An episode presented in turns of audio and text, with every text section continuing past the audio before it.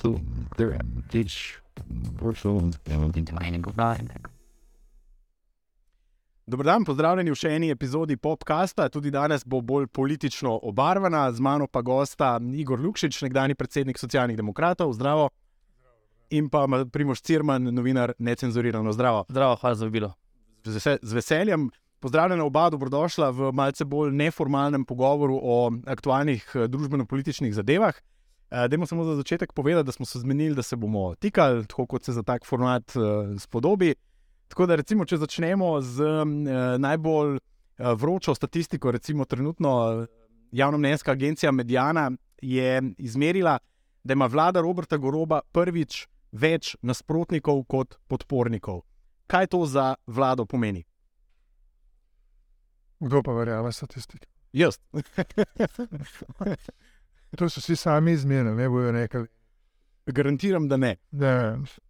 Ja, gotovo je to nek trend navzdol, ki je po eni strani pričakovan. Zakaj? Zaradi tega, ker se slovensko politično telo po volitvah so razmerno hitro upeša, se pravi, po pol leta že vsaka vlada zgublja na podpori. Zdaj ta je sorazmerno dolgo držala visoko podporo. Eh, tako da z tega stališča je to nekaj normalnega. Potem pa gremo lahko zdaj pogledati, kaj so bile tiste poteze, zaradi katerih, po moji interpretaciji, eh, vlada zgublja. In gotovo je napoved teh eh, velikih reform in to več reform naenkrat. Eh, hkrati vlada eh, ne zboja prepričanja, da bo katero od teh reform dejansko v skladu s stanjem eh, peljala. Eh, in to gotovo zbuja po eni strani nelagodje. Tudi vsebinsko še ne vemo prav zelo veliko. Ja, ampak ljudje so že začeli računati, ne, kaj od teh reform bi jim lahko prineslo kaj dobrega, kaj pa, kaj pa slabega. Um, in ta naboj tega antinašizma je tudi malo upešen, ker so se pojavili neki konflikti, ki so izhajali iz narave vlade. Se pravi, logika interesne družbe gre po svoji poti me politika poskuša to skupaj nateravati ljudi in jih prepričati, da držimo skupaj, ne, če hočemo to državo kamperati. Posameznik pa vsak po svoje rine v svojo smer in bi rad imel čim več. In ta logika, to nasprotovanje, zmeraj pripelje do nezaupanja do vsake vlade in ta pač plačuje tudi to ceno. Primo, se strinjaš? Um, da bi še tole, da so s to vlado bila povezana z razliko mogoče od ostalih levo-sredinskih vlad um, zelo visoka pričakovanja. Se pravi, ta nek, neka, nek humus tega um, nezadovoljstva, ki si je vrel v času anti-janše vlade, se je v bistvu artikuliral v mesecih pred volitvami v neki široki koaliciji. Ki je dejansko imela cilj um, tako, tako levega dela politike, kot neke civilne družbe, kot nekih navadnih ljudi. Se pravi, tu govorimo o nekem zelo širokem diapazonu ljudi, od uh, leve do sredine, mogoče tudi celo na desne sredine, tistih, ki so pač želeli imeti normalno življenje, ne pa več janše. Um, skratka, ta pričakovanja so bila tako široka, da je bilo jasno, da jih praktično neka vlada, vsaka vlada praktično ne mogla uresničiti, posebej pa ne vlada, ki je v bistvu um, politično neizkušena. Namreč um, tu bi dopolnil Igorja, da je um, mi smo v Sloveniji zdaj četrto levo-sredinsko vlado, mislim, da v desetih letih ali peto. Skratka, štiri od teh vlad so v bistvu so se pojavljali praktično novi igravci, novi poslanci in mi smo v V levo-sredinskem bazenu je Slovenija um, se je v zadnjih desetih letih izmenjalo okrog 200 poslancev, um, 100 ministrov in državnih sekretarjev, ogromno kabinetnega osebe. Skratka, to je nekaj, ki jih je tudi prestopilo. Uh, dobro, ja, ampak recimo, recimo Gibanje Svoboda, ko se je formiralo vem, med januarjem in aprilom, je bilo evidentno nezaželeno, da je kdorkoli notri, ki ima kakšne bolj prične izkušnje. Vidimo, kakšno nezadovoljstvo je bilo, ko je recimo Šarec in Brataško postala ministra, je bilo tudi znotraj, če ješ volicijo nisi nagradil. Skratka, vse čas bila tendenca po nečem novem, novem, novem. In seveda produkt tega je, da enostavno je v eni fazi Sloveniji eh, na levi sredini zmanjkalo ljudi in to je to, kar imamo. In druga stvar pa je, da v bistvu morate še vedeti, da je po volitvah še ta tendenca predvoljene kampanje in antijanžizma se povlekla v jesen zaradi referendumov. Se pravi, do novembra, decembra je v bistvu vse ta pol še živel, uh, bil nove bitke, ne, se pravi, proti, um, za referendume in proti Janši. Uh, Pričemer pa je situacija v svetu takšna, da um, je prišlo do energetske krize, do napovedi recesije. In zdaj imate vlado, ki napoveduje reforme, in pa pri napovedovanju teh reform je pa to, da jih preveč napoveduje in premalo v bistvu izvaja. E, tipičen primer je recimo davčna reforma. Mislim, da je pač, če iščemo en sam razlog za uh, padec, ki ste ga omenili, je uh, to, da so vodilni uslužbenci finančnega ministrstva davčno reformo predstavili tako, kot da je polovica Slovenije razumela, da bo obdavčili potne stroške in regres. To je politična smrt, če to narediš. In um, mislim, da se to v bistvu v tej fazi uh, najbolj odraža, plus seveda ogromno nezadovoljstvo, ki je v ogromni skupini prebivalstva zaradi pač, um, inflacije, plač, um, položnic. Morate vedeti, nezadovoljstvo v Sloveniji ne. raste, zdaj, s- ja, in zdaj samo vprašanje, kdo bo uspel to nezadovoljstvo kanalizirati. In Janis Janša trenutno zelo učinkovito dela na tem. Pridemo še do tega, pa tudi reform se še malce dotaknemo. Jaz bi se samo še malce zadržal pri, tej, uh, pri teh visokih pričakovanjih. Uh, potrdila so se ne na zadnje tudi na volitvah z rekordno, rekordnim rezultatom Gibanja Svoboda. A so ta velika pričakovanja tudi razlog za potem dost hiter padec? Ker meni se pa vsem zdi, da ta padec, kot, pravite, kot praviš, Igor, je res pričakovan, je pa relativno hiter, recimo hitrejši od prejšnjih vlad. Ne? V tako rekoč nekaj mesecih ne, iz uh, udobne, udobne, udobnega vlada. Bil SMC je precej hitreje padel. Mislim, da je bil že do jeseni 2014 na 15 odstotkih. Skratka, že takrat se je začelo, da je CR neodločen vladar. In, in skratka, mislim, da je bilo, ampak takrat je bila tudi na levi sredini že neka pač alternativa. Ne? Imel si vedno močnejši SD, ne, kot je danes. Ne? Veš kaj, Šarčeva niti ni imela kam pas. ne. Zaradi tega, ker je skozi bila na minimumu, oziroma je bila skozi manjšinska. Ne? In tudi, ko je eh, zgubljala, je izgubljala počasi. Eh, Ne tako hitro, kot je ta, ta pa lahko, oziroma toliko ne, ni mogla zbaviti. Eh, Ta pa je lahko. Ampak to, kar je Primoš prej rekel, ne, pričakovanja so bila visoka, ampak hkrati so bila sorazmerno hitro tudi izpolnjena, ker glavna ideja je bila, da se zjašo rekine. In zdaj, še nekaj časa so kar naprej govorili, da uh, bo Janša prišel, grdi stric iz Amerike ali kjer s- kdo vidi sovražnika ali pa z Rusije, ne, uh, če ne bojo prid. Uh, ampak to se je počasi spelo. Tudi zdaj, še zmeraj se je takrat, ko zagusti, ne, in to se bo še naprej dogajalo, bojo grozili s tem. Ne. Paste, če ne bomo mi, potem bo pa Janša. Samo to ne bo, to eno leto, recimo, bo še lahko zdržalo vlado skupaj, pa bo pa treba začeti kaj um, odreagirati, ne, po svoje narediš. Um, jaz bi opažal sentiment v ljudeh. Um, sta v Sloveniji praktično samo dve stvari, ki jih trenutno zanimata, že nekaj mesecev je tako. Prva je zdravstvo, in druga so položnice. Eh, Se pravi, ljudi zanima, ali lahko pridejo do zdravnika v doglednem času, ali lahko pridejo pač zgolj z obveznim zavarovanjem eh, do zdravnika, in pa drugo, kako rastejo življenjski stroški. Zdaj, pri življenjskih stroških je eh, treba vladi priznati, da je imela tukaj, recimo pri um, brzdanju cene električne energije za gospodinstva, um, eh, relativno dobro izpeljala, se pravi, niso se pač podražile, elektrika se ni podražila za gospodinstva, um, strmo, uh, potem ni bilo recimo. Um, Tudi cene benzina so ostale nekako zmerne, ne? plin je bil, ne? nikogar ni zeblo, razen nas v studiu danes. Ne? Ampak um, um, pri zdravstvu je pa um, povezanih toliko neznank. V bistvu interventni zakon nam je zdaj pokazal, da ni edina rešitev samo metanje novih milijard, tudi zdaj smo vrgli pol milijarde, bomo vrgli. Če vržemo dve, bodo čakalne vrste očitno še vedno iste probleme, kam ta denar, ki gre v sistem, spolzi.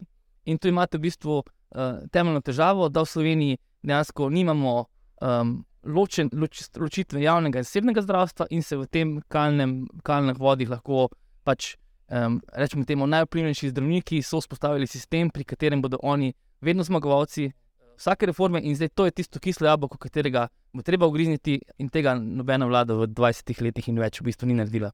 Je pa še nekaj, ne? tukaj so bile tudi obljube, um, največje, najbolj sladke. Ne? Uh, recimo, vaša bivša stranka ne, je v 30 dneh do zdravnika pisala, da smo prodaleč od tega. Ne?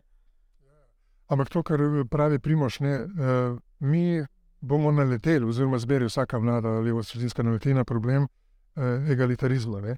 Na koncu, ko greš ti v kakršno koli reformo, tudi ti denari, ki so bili vrženi noter v sistem, končajo potem pri določenih posameznikih. Ne.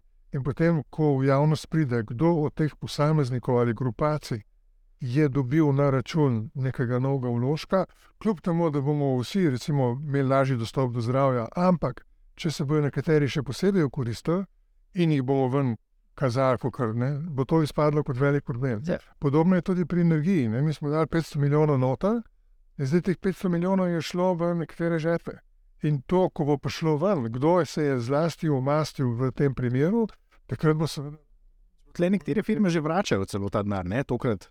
Ja, ampak bomo videli, kako bo vračal, kako bo prišlo v ne, te razne nagrade. In, ne, če, to imamo problem, ne gotovo. Eh, In tudi vlada tega ne more vnaprej predvideti. Eh, Hkrati pa tudi reagira po, po nekaterih vzorcih, ki je za vsak kapitalizem um, običajen. Ne, Mi pa to vrstne uh, posledice kapitalizma zelo težko prepoznamo. Jaz, jaz se strinjam, pač zasebno zdravstvo seveda je dobrodošla dopolnitev javnemu, pač seveda mora obstajati svobodna poteniška ponudba, po, eh, pobuda. Ampak eh, težava je, ker ko ni meje, imaš ti primer, kot je dejansko resursi, um, neko socializacija izgub gre na javne bolnišnice, dobički grejo v zasebne. To je ta problem, ki ga imamo v Sloveniji. Problem pa je zaradi tega, ker v Sloveniji um, javna zdravstvena blagajna, ki bi morala postati normalna zavarovalnica, um, um, dejansko plačuje recimo neke storitve, ki trajajo 5 minut, plačuje 20 minut, 45 minut in se nabirajo ure, normativi so nizki. Skratka, tu, tu notri se skriva razlog, zakaj naše zdravstvo ne deluje. Ne? Zdaj, videli smo že večkrat, Miloka Kolar Celarc je povišala zdravniške plače, čakalne vrste so stale enake. Um, Aleš Beder je znižal normative kot zdravstveni minister, čakalne vrste so ostale. Zdaj imamo spet helikopterski denar gre v zdravstvu, čakalne vrste ostajajo ist, enake ali celo daljše. Se pravi, problem je strukturen. Se je pa prejšnja Janševa vlada, ko smo ravno pri tem, recimo, tudi probala lotiti ravno težave ja. tle, na Zavodu za zdravstveno za, No, za, No, ampak se ni težava. Težava je v bistvu v, v petih različnih poljih, bi rekli, ne, ki jih moraš hkrati v bistvu dopolniti, in to je potem reforma. Se tu vprašanje, če je reforma pravi izraz za to, kar bi bilo v bistvu treba, um, treba bolj bilo uvajanje reda. Se pravi, Ni bi rekel, ne reformo, uvajanje. uvajanje reda. Okej. Tako je, ker zdaj smo v bistvu v situaciji, kot da bi recimo poslal otroka v šolo in bi imel v 11. matematiko, in naj bi prišel na vrsto in bi mu rekel, učitelj, pač um, od dveh popoldne eh, je matematika pri meni doma v mojem DOO-ju. ne. Ampak če se malo vrnem, Ja, z doplačilom. A vlada dela to, ali nas prepriča v to, ali je od tle sploh še povratek? Vi imate, ti imaš prosti izkušnjo uh, z vodenjem velike stranke. A je od takih odstotkov, uh, na, na katere je zdaj padla in največja vladna stranka in vlada, še povratna pot, uh, da bi jim ljudje zaupali za delati reforme, za delati red? Ja, jaz mislim, da je. To ni eh, izgubljena zadeva, zaradi tega, ker imamo na drugi strani, se pravi, alternative res ne ni. Ne? Ker to, kar predstavlja Jaša s kompaktno, ne, linearno podporo enega dela volilnega telesa, ki ga skozi drži v kondiciji, ampak ta volilno telo je hkrati tudi zastrapljovalski fenomen v celotni slovenski politiki. Ne? In s tem eh, to enostavno ne more več predstavljati alternative. In ko bojo prišle volitve, kadarkoli že bojo, takrat bo jasno, da to ne more več vladati Sloveniji. Recimo, to, teza. to sporočilo, kar je, f- f- to so fakti bruti. Ne? Gre samo za to, ali se s tem sprijazniš ali ne. Recimo Nova Slovenija je zdaj končno tudi na formalni ravni sprejela, ne saj na izvršnem odboru sklep, da z njimi pa nikakor ne. Predtem, recimo, ko je bil Rjavc, je sprejel podoben sklep, samo potem so ga zaradi tega odstavili, oziroma ne zaradi tega, zaradi tega ga niso nastavili. Lastni, lastni so samo rekli, Skratka, smo rekli, zaradi tega, ker to ne bi pa še bili z Janšo. No, skratka, to je zdaj nek lakmus papir, se ve, da Janša ne več. In dokler bo Janša eh, edina alternativa na desnici, tok časa je leva sredina varna. Je pa zdaj seveda vprašanje, lahko se nam sicer zgodi, da bo spet neka minimalna zmaga, tako kot je bilo v času Šarca, ali pa celo nezadostna ne, za sestavo vlade.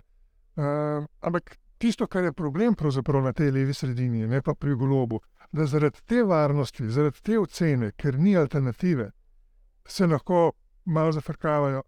In to pa lahko pripelje do situacije, kjer bi lahko prišlo do kakšne uh, nezaželene situacije.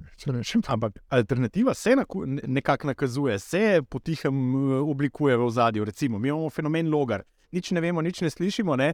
Uh, visoka popularnost, recimo, je to možnost nekega, nekega centra uh, bodočega. Kako visoka popularnost je bila tudi pri teh naših evropskih komisarjih.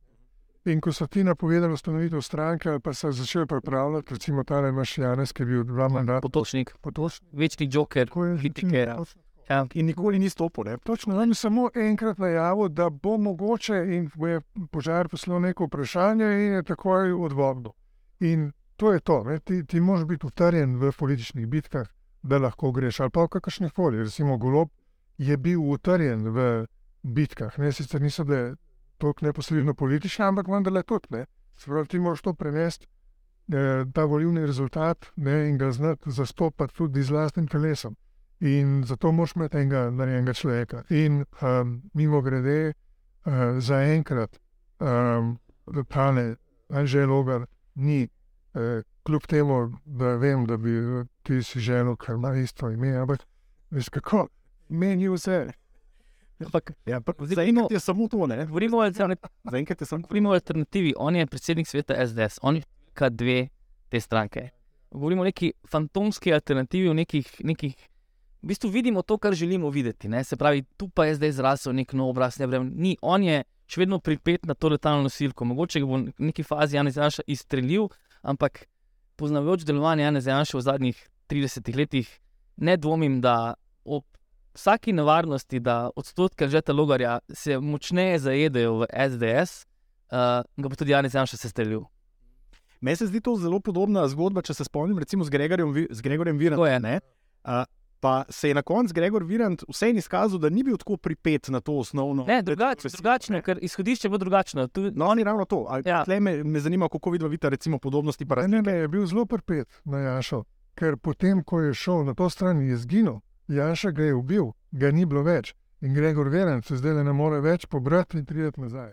je pa pomagal sestaviti potem levo vlado ne? in je šel iz Janševe desne vlade. Ker smo svoje moralizatorstvo, ne, ki je, to je bil del njegov program. Ne. Edini njegov program je bil moraliziranje v slovenski politiki. Tako je prišel k Janši in tako je od Janša. Ne. Ampak eh, politično tisto volilno telo, ki ga je podpiralo, je pa bilo Janša. Bila je še tretja opcija, recimo, lahko bi šel takrat na predčasne volitve. Pa bi s to moralizatorsko politiko, ne Ne, takrat, takrat je on že zelo zgubil, ker na volitve bi on lahko šel, ne da bi izstopil iz vlade. Ne?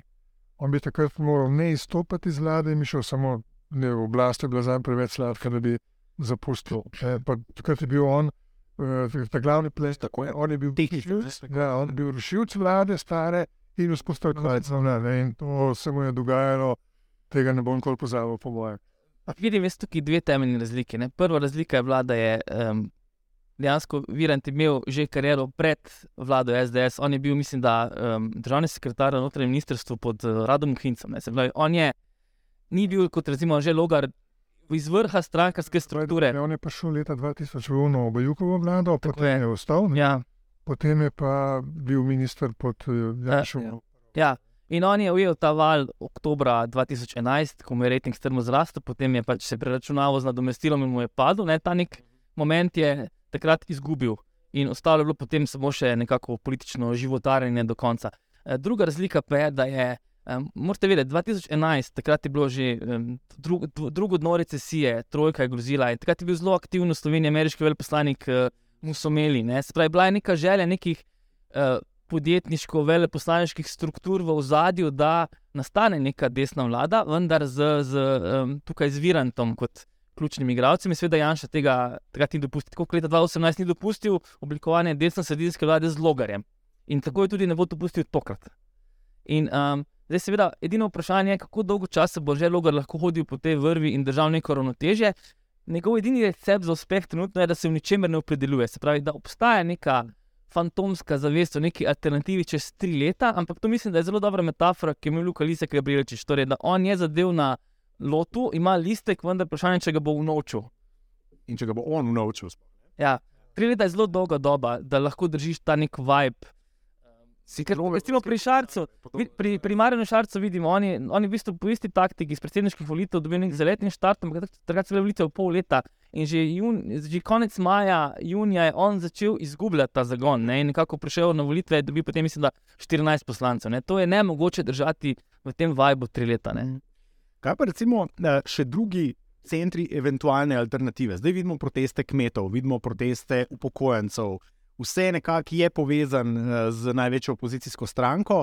Kaj pa tle, ne? a se ne gradi, ključno se pravi z Anžetom Logarjem in z vsemi temi ostalimi protesti, pa vendarle en center. Zdaj videli smo, Janša, recimo z obstoječimi strankami, ne more, premalo. Glavni problem je njihov intelektualni potencial. Ne? Njihov intelektualni potencial se je nekako izčrpal, se pravi, Jambrek, pa ti ljudje so nekako se umaknili, ne? tudi biologija je naredila svoje, zdaj mastermind je Janes Janša. Mastermind, Janes Janša kot mastermind ima domet 20%. On ne more iz tega, on je probal in poskušal na razne načine delati kako drugače, on ne zna drugače kot tako. In on zanima niti nobenega intelektualca, da bi znal misliti, na kakšen način pride do božjega rezultata. In eh, to enostavno nima to vrstnih ljudi, in noben se ne more spomniti kaj drugega, in ker se ne more spomniti, tudi nobenih korakov ne bo. Vse, kar se dogaja, je instrumentalizirano. In to je treba samo počakati, ne vem, tri dni, pet dni, mogoče ne, če bi izdržali pol leta, ampak bi se zmeraj to pokazalo, kar, kar je prej tudi uh, Primoš rekel. Mislim, da ta instrumentalizacija desnice je pač poguba za njih, oziroma poguba v tem smislu, da so sicer močni in glasni, ampak ne sposobni za vlado. In pa tudi domet je, kot smo že prilogali, videli na predsedniških volitvah, izven bazena 40 tisoč voljivcev, 420, ne greš. Tudi zlogan, tudi kot pravijo, z drugačno komunikacijo. Če ta komunikacija prihaja od človeka, ki je drugi človek, SDS, potem ni. Zdaj bi dopolnil tukaj Igorja. Um, kar se dogaja zdaj, je pač tega kurjenja sentimenta nezadovoljstva. Um, jaz verjamem, da je Janes Janš v bistvu v analizi volilnega poraza aprila lani ugotovil, da so ga potem pomagali protesti in referendum za vodenje, zdaj v bistvu eh, našel svoje proteste, našel svojo bitko za vodo v kanalu C0. Um, in zdaj hkrati v bistvu poskuša cel nek ta diapazon upokojencev zajeti v neko veliko maso uh, nezadovoljstva. Zato bi se navezal spet za mogoče tri vprašanja nazaj. Ne? Ta vlada bo stabilna, ta vlada bo imela neko, neko podporo, ko bodo ljudje videli, da rešuje njihove probleme. Ko bodo ljudje videli, da je mar za reševanje problemov, in um, predvsem, če ne bo razno raznih ekscesov povezanih s tem, da, kot je rekel Marcel, nekdo uživa na oblasti. Um, še enkrat moramo vedeti, ta vlada je, oziroma ta koalicija je pripeljala na oblast v vlado in državni zbor plejado novih ljudi. Nekateri se dobro znajdejo v tej vlogi, nekateri malo manj, nekateri pa so začeli v tem uživati. In, in dokler ljudje ne prepoznajo tega, je, je, je v redu. Skratka, reševanje konkretnih problemov ljudi, težki časi prihajajo, oziroma so težki časi, težje še bojo. Recesija se mogoče napoveduje za 2024, nejasno je, kaj bo z bankami v Evropi. Skratka, eno veliko obdobje negotovosti je in, in ključno tukaj bo dejansko um, nekako ohranjanje uh, življenjskega standarda ljudi, kar pa je neizbežno povezano z, z pogajanji o plačah in pa z davčno reformo, ter pa seveda potem dostopom do zdravnika. To so ključne fronte, ki so. In, um, vemo, pa, vemo pa, da je v načrtu za ukrevanje. Um, ki ga je pač predložila uh, Janša vlada v Bruselj, neka časovnica reform določena, ki je zelo rigidna, In zato bo treba tukaj pač neke hitre operativne uh, ukrepe z izračuni uh, dati na mizo. Igor, imaš ti že nekaj, izvoli, izvoli. Me tako pravi Primoš. Ne se mi zdi, um, da je glavna stvar ne, to, kar nam je iz politike izpadlo. Mi imamo zdaj to, kar je govoril, vse drži, ampak zdaj na kateri točki je problem. Um, mislim, v, v tem smislu, da vlada ne zna vlada.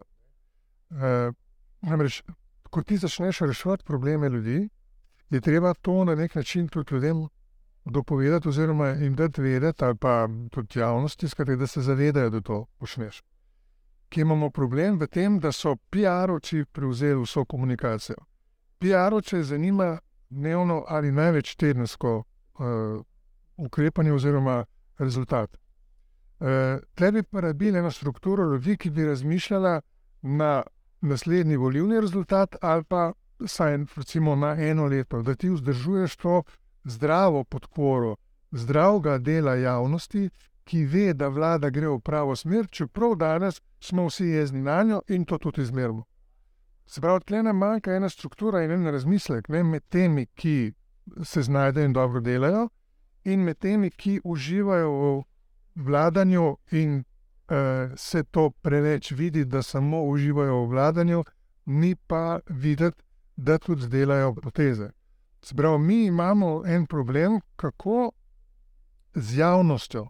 Ne? Mi imamo to odzivanje na neposredne dnevne kritike recimo, javnosti ali pa novinarjev. Um, imamo mogoče dolgoročno vizijo, ki jo tudi predsednik vlade zastopa v tem smislu. Mi smo za dva mandata, hočemo delati dolgoročne reforme, kar je dobro, ampak to vmes pa manjka. In to bo vlada, če hoče dvigniti ali pa saj zadržati uh, to raven uh, zadovoljstva in nezadovoljstva, v to smer. Ker to, to si ti umenil že recimo pri davčni reformi. Ne? Tle, mi recimo, smo imeli tri velike koalicijske vrhe na točno te tri največje izzive. Recimo, sporočila so pa dokaj nejasna. Ne, uh, ne vemo, kakšna je relevantna. Napačna, pravzaprav. Vem, da so nejasna. Ti rečemo, če rečemo diplomatsko nejasna, ampak so napačna, zaradi tega, ker vidimo, da, da so ljudje dojeli točno to, kar ne bi smelo biti sporočilo. Ne. Sporočilo bi moralo biti do konca, da se poskuša nekaj narediti, kar bo dobro za vse. Zdaj pa so začeli dajati sporočila, kot da bo slabo za večino. To pa si ne želimo od vlade. Ker eh, ravno ko smo recimo, pri teh reformah danes objavljamo um, odnos ljudi, ne, kako razumejo uh, te zadeve. Recimo, vem, pri plačni reformi javnega sektorja so nekako razdeljeni po tretjinah, recimo nekateri podpirajo, tretjina podpira, tretjina ne podpira, tretjina ne pozna. Zdravstveno reformo absolutno ljudje večinoma podpirajo, tle očitno so komunicirali. Vejo, da so problemi. Ja. Ta, in vejo, da so problemi. Medtem ko recimo davčni reformi, ne, ki se po vsakmu pozna v žepu, pa večinoma nasprotujejo problem. Ja, ja jasno, mislim, da davčno reformo mora zmeraj peleti na zelo subtilen način. Je. Tako da vseeno ljudje morajo imeti večino, morajo imeti občutek, da je na nek način dobila. Zdaj, zaenkrat se pa ti lotevajo bolj tako, zelo tehnično in pa neorganizirano. Pri davčni reformi bi morali prenisati bistveno prej efekt, eh, komuniciranje efekta in tako naprej ti ne moreš priti, kot so se oni lotili na brdo in z nekimi papirji polno upletati in ljudi prepričati. E, premalo je bilo premišljeno, tukaj se pa vidi ta neizkušenost. Vse osnovno logiko so pojasnili, pa gre, kot se zato strinjamo, za večjo transparentnost. Ta... Mislim, to je v našem primeru je to razumljeno kot floskula. Ko ti čim začneš govoriti o večji transparentnosti, zdaj po 30 letih ne boja za transparentnost, že vemo, da nas bo udarilo po žepu. A nas bo res? Um, težava je, ker um, recimo, veste, da popravke davčne reforme predvolilne, ki jih je Janša vlada naredila. Ne? In zdaj to vrniti nazaj v prvotno stanje, seveda takoj pomeni, da. Ki so pa bili v korist, korist večine. Um, a so bili, res so koristne. Recimo, ker veste, zvišanje davka, znižanje davka na najmnine, ki se niso znižale. Ne? Se pravi, višji neto od najmnin je šel od ljudi, ki se ne morejo privoščiti tistega plasniškega stanovanja, uh, ljudem, ki imajo več stanovanj. Uh, skratka, um, v bistvu. Znižanje davkov nikoli ne pride do uh, končnega uporabnika. Pa ne pride do, do ti nikoli kot delavec, recimo, ne, ki ti znižajo davek, nimaš koristi od tega. Ne.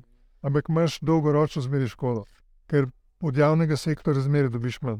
Moraš pa iz lastnega žepa da trikrat več, kot so ti oni zmanjšali. Samo ljudje tega ne povezujejo, ker se ta efekt zgodi čez dve, tri leta, ne? Ko je treba davek povišati, zaradi tega, ker se ga prej. Tukaj sta dve stvari pomeni pri davčni reformi. Prvo, davčna reforma ne more biti cilj sam po sebi. Davčna reforma je del nekega širšega družbenega dogovora o tem, kakšna naj bo ta država in družba. Se pravi, naj bo bolj pravična, manj pravična, eh, bolj razslojena, manj razslojena. In nekako družben dogovor v Sloveniji, ki je, mislim, da nastal v 90-ih zaradi teh um, lobiranj, denacionalizacijskih upravičencev in privatizacijskih mogocev, je bil uh, obdavčimo delo, premoženje pustimo pri miru. In smo obdavčili delo na način, da v bistvu z delom v Sloveniji ne moreš obogatiti, lahko pa obogatiš z uh, prevrtavanjem, premož, plemenitenjem premoženja, ki si ga že imel. In zdaj, v bistvu, um, zdaj smo spet na točki, ko v bistvu ljudje opažajo, da se v Sloveniji um, dva bregova udaljujeta. Imate COVID dodatke, milijardo COVID dodatkov, ki so povzročali velikanske razlike um, med ljudmi. Um, imate ljudi, ki imajo po uh, pet stanovanj, ki so jih kupili brez kredita, uh, hkrati pa ljudi, ki si ne morejo dejansko več privoščiti življenja v Ljubljani. Um, lahko imamo mi statistike o ginjevem koeficientu dohodkovne enakosti, ki je najnižji v Evropi, ne? ampak takšno je stanje, ki ga pač občutijo mlade družine, ki prihajajo na um, rešiti svoj nepremičninski problem in ga ne morejo, um, skratka, mnogi drugi. In zdaj, uh, kaj tu narediti? Ne? Jaz mislim, da pač nepremičninski davek absolutno Slovenija mora uvesti, ker ga ima večina držav EU um, lahko ga narediš na način, kot je v Nemčiji, ampak veste pa, da ko boste obdavčili nepremičninski davek, boste nasproti dobili en velik, močan lobby uh, ljudi, ki imajo, lastnikov stanovanj, ki imajo dostop do medijev. In, in enostavno politika na tej točki ne postane ideološka, ampak postane razredni boj. In ta boj je izredno težko dobiti, zato ker vam bo druga stran natrosla ogromno razlogov, zakaj nepremičninski davek eh, ni pametno uvesti, zakaj se ga ne izplača, zakaj se ga ne da. In pa v končni fazi, kot bi rekel Joc Pečečnik, to bo logika trdega socializma. Ne? In na koncu pridemo vedno na to. In vedno znova isto. Vi recimo pozabljate, da so um, vem, privatizacijski mogotec Igor Lahja pred desetimi leti, ko je bila enako razprava o nepremičninskem davku in je lobista enega, dva in so mu pač njegovi interesi uveljavljali. Mi pozabljamo v bistvu, da kako se v tej državi perfidno lahko uveljavljajo neki interesi. In, in še enkrat, seveda imajo tudi dostop do medijev ti ljudje, in, in to bitko je praktično v bistvu ne mogoče dobiti, če jo ti ne predstaviš kot, nek, kot neko vajanje neke pravičnosti. V tej pravičnosti, ne, in predvsem tem, kar je Primož govoril, mi imamo en velik problem. Ne, sicer ta znanost, ki se reče sociologija, politologija in ne vem kaj, in to redimo in dobiva državna sredstva za to, ne opravlja vloge, ki bi jo morali. Se pravi, mi od teh znanstvenikov, raziskovalcev ne dobimo letne slike družbene strukture in interesne strukture. Zato država denarja ne da, ker to vrste člankov ne objavljajo v ameriških revijah, ne, ki prinašajo točke in zagotavljajo kariero. Za vladanje bi pa mi nujno rabili ta pogled. In v tej kani vodi, mi ne vemo, kakšna je struktura, interesna struktura. Mi ugibamo, mi ugibamo, ne, in mi, recimo, ko smo bolj na levici, da gre na živce, da ne kontrolira na en del bogati in zato ne vrača nazaj v recimo, državo ali pa skupno blagajno temu ustrezen svet. Mi, ki želimo pa samo delati, nas pa tiščijo in cene, in um, nizke plače. Zdaj, kot razumem, imamo ne, te neke prve račune. imate neke indice, imate nek, ja, Škle, ti rabiš dejansko pristop, ni za do statistika. Ti moraš oceniti, kaj to družbeno pomeni, kaj pomeni to za družbene relacije, da lahko vzpostavljaš pravičnost. Ti lahko vzpostavljaš mehansko enakost. Meni pa rečeš, in, in, in te načuješ, recimo, lastnino v Ljubljani in v Prekmurju. In da bo recimo to naredil. Ni nujno. Ampak, ja, ni nujno, ampak ker mora po, po nekem ja. načelu enakosti. Ampak zato, da ti vodiš neko skupnost, ki je kljub temu, da smo mehni, zelo razšljenjena in tudi interesna. Ne, to je te, treba poznati. Vladajoči bi to morali poznati in znanost bi to morala narediti. In vladajoči bi morali vedeti, da je zato treba znanost v to smer tiščati. Pa to noben 30 let že ne dela. imate nekaj indicov, recimo milijarda evrov koj dodatkov je šla zelo verjetno v nepremičnine, zato ker so bili brezne mere na depozitih na banki pač ničelne takrat. Če. Uh, skratka, to je potisnilo ceno in vidite, recimo, statistike nakupov, uh, večina najdražjih stanovanj je upravljenih brez kredita. Ne. To, to nekaj pove ne, o, o uh, deviacijah na domačem nepremičninskem trgu, iz katerega potem izhaja vse ostalo. Seveda, zdaj ne sme to izpasti, kot da je to neka hajka proti bogatim, kar bo seveda takoj nasprotnik nepremičninskega davka bodo govorili o tem, da so ljudje, ki so s trdim svojim delom. Uh, prislužili bodo pač ne. Ampak po drugi strani, ko enkrat uporabimo to logiko, potem lahko recimo mi trije, ki smo še relativno mladi, rečemo, pač mi plačujemo zdravstveno blagajno, ne vem, toliko in toliko tisoč evrov na leto, ne? hkrati smo pa lani porabili ne vem koliko, zdaj si lahko pogledate na strani od ZDS-ja, 114 ali 28 evrov. Ne? Skratka, tu gre za nek družbeni odgovor, za neko, um, neko solidarnost, ki mora biti videna ne samo skozi delo, ampak tudi skozi premoženje.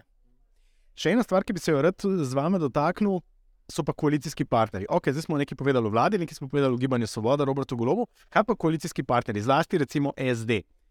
A se je SD mal zgubil v tej vladi, ali je to uh, realna moč SD-ja, ki je na volitvah dubu, precejšno zaušnico, precejšnjem razočaranju so govorili, ki je tle SD. Po drugi strani tudi ena od teh uh, bolj bombastičnih obljub, teh 30 dni do zdravnika, je bila SD-jeva.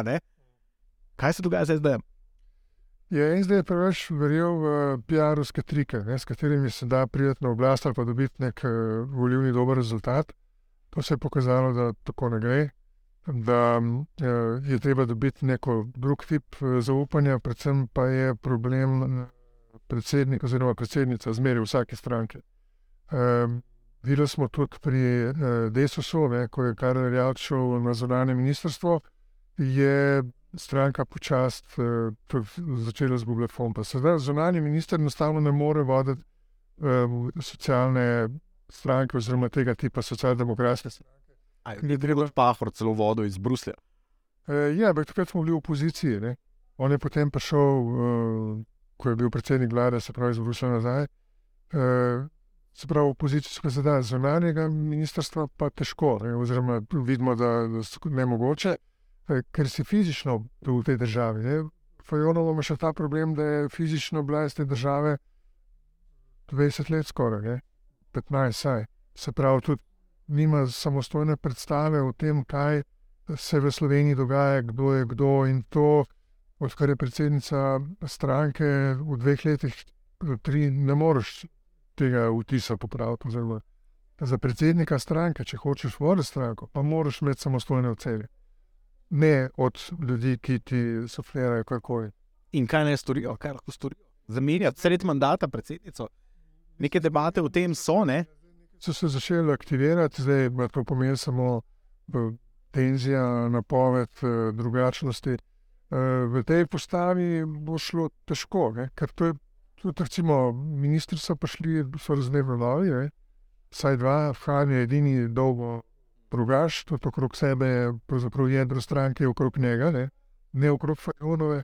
Fajonova ne vem, če ima koga iz ožjega, recimo, socialdemokratskega jedra. Ona je pobrala strukturo iz ministrstva in dela nekaj, kar bi delal kdorkoli, ki je zunani minister. No. Sprav tam težko barne socialdemokratske kažeš, ko zastopaš državo. Jasno. E, Na pravosodje je tudi težko. Pravosodje je skrb za vse, tam težko kaj. Ni resorov za pokazati. Ne? V primerjavi z levico, ki ima delo, ne, na katerem lahko kaže to svojo barvo in jo tudi kaže.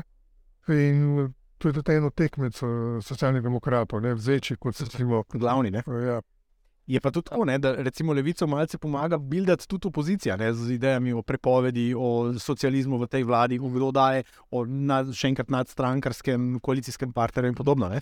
Um, SD ima, mislim, da tri težave. No? Prvi težava je, da je to, to je blagovna znamka stara 30 let, na, Janis Janša bi rekel, na toliko in toliko let podlage, ne? ampak um, v Sloveniji je 30 let, politiki 300 let. V Sloveniji vsake 4 leta imamo novo vladajočo stranko na levi sredini in, in dejansko je težko, že po naravi je težko nek, neko blagovno znamko vleči tako dolgo časa. V Sloveniji imamo, mislim, da samo še tri, po, se pravi SDS, um, SD in pa potem pač Jelinčiča, no? ki je pač one man band stranka. Ne? Eh, Druga težava je, da splošna, splošni položaj socialdemokracije v Evropi je eh, težek. Se pravi, eh, socialdemokracija je pač eh, neka ideja, ki, ki v političnem smislu v Evropi danes um, izgublja zagon, enostavno zato, ker so se njeni voljivci pač v zadnjih desetih letih tako in tako, tako, tako toliko spremenili. Ne? Uh, Tukaj je treba biti pošten. Ne, Ja. ne volivci so spremenili zaradi tega, ker se je spremenila narava kapitalizma. Ne. Kapitalizem je tako močan zdaj, na to, se pravi, in koncentracija kapitala tako uh, močna, ne, da ta mečken delček ljudi, ki poseduje zdaj glavnino svetovnega bogatstva, enostavno ne rabi več biti neprijazen, karkoli. človeškega obraza. Ja. Točno to, to, kar je recimo. O, Resmo tako, ne, kapitalizem je v 20. stoletju še rabo socialdemokracijo, ja. v določenih obdobjih celo močno socialdemokracijo. Danes jo ne rabi. Ampak ker je imel konkurenčni blok na drugi strani. Ne? Tako, ja, in jo je prečrtal. In zdaj vidimo ne celo Kitajska, ki še zmeraj je kot socialistična država, eni imajo celo za komunistično, je že daleč ne, v, zabredla v reprodukcijo tega kapitalizma, obnaša se zdaj kot resna kapitalističen center. In to je tisto, kar ogroža Ameriko. Ne, ne ogrožajo socializem Kitajske, ampak ogrožajo kapitalizem Kitajske. Ja. Um, delavstvo se je razdrobilo, v, v, tudi v Sloveniji vidimo, da sindikati so, so razdrobljeni. Um, in potem imate recimo um, primer Danske, ne, kjer uh, socialdemokratska stranka pač dobi volitve, ampak z striktno antimigranskim programom. Ne. Pravi, uh, delavci so šli v desno, zato ker se bojijo prihoda migrantov, ki jim bodo pač zbijali ceno dela. Ampak ti delavci danes že nekaj časa ne volijo več, zdaj tudi levice ne volijo delavci. Ne. Um, tretja stvar pa je, da um, tu bi se navezal, ne, da tradicionalna bastiona SD-ja v slovenski politiki sta bila, sta bila šolstvo in pa um, um, delo, se pravi ministrstvo za delo. To sta bili neki dve trdnjavi, ki in zdaj SD nima čakanja, ne teh. Ne teh. SD dejansko um, nima praktično nobenega resorja, ki bi bil nekako programsko kompatibilen z, z njeno ideologijo te stranke. Ne? In, in um, zdaj Han, seveda, lahko pač nadaljuje tam pačivaško politiko. Um, pravosodje smo rekli, zunanje zadeve isto, in, in, in tu zmanjka, ne? niti zdrave nimajo, skratka, ničesar, obljubljajo so zdrave, vendar ga nimajo. Ne? In, in tu mislim, da je bila mogoče napaka z njihove strani narejena. ne. Uh, ampak seveda spet vprašanje, kakšna dejansko je bila njihova realna, uh, realna moč. Um, tudi če četrto stvar bi mogoče izpostavil, da je SD je bila recimo pred 15-20 leti stranka z izrazito močnim intelektualnim jedrom. Tu se je v bistvu nekako razpravljalo prek nekih, um, nekih pač, ljudi, Igorja, ne, o, o, o, o, o politiki, ne, nekako iskalo neke nove, nove, nove tretje poti. Ne. Um, zdaj pa mislim, da um, tega nekega ide- ideološkega razmisleka, kam peljati socialdemokracijo in tudi v Sloveniji, eh, tam ni več, no, vsaj videti ga nekako ni na zunaj. No. Okay. Jaz se vam obema najlepše zahvaljujem za misli, dobro smo se vžgali, se mi zdi. Uh, tako da hvala vam obema za gostovanje, zdaj lahko se spet oblečete nazaj, da ne bo tako toplo. Vam, spoštovani gledalci, pa hvala za spremljanje in se slišimo naslednjič. Ostanite na toplem. That was fish. And into good night.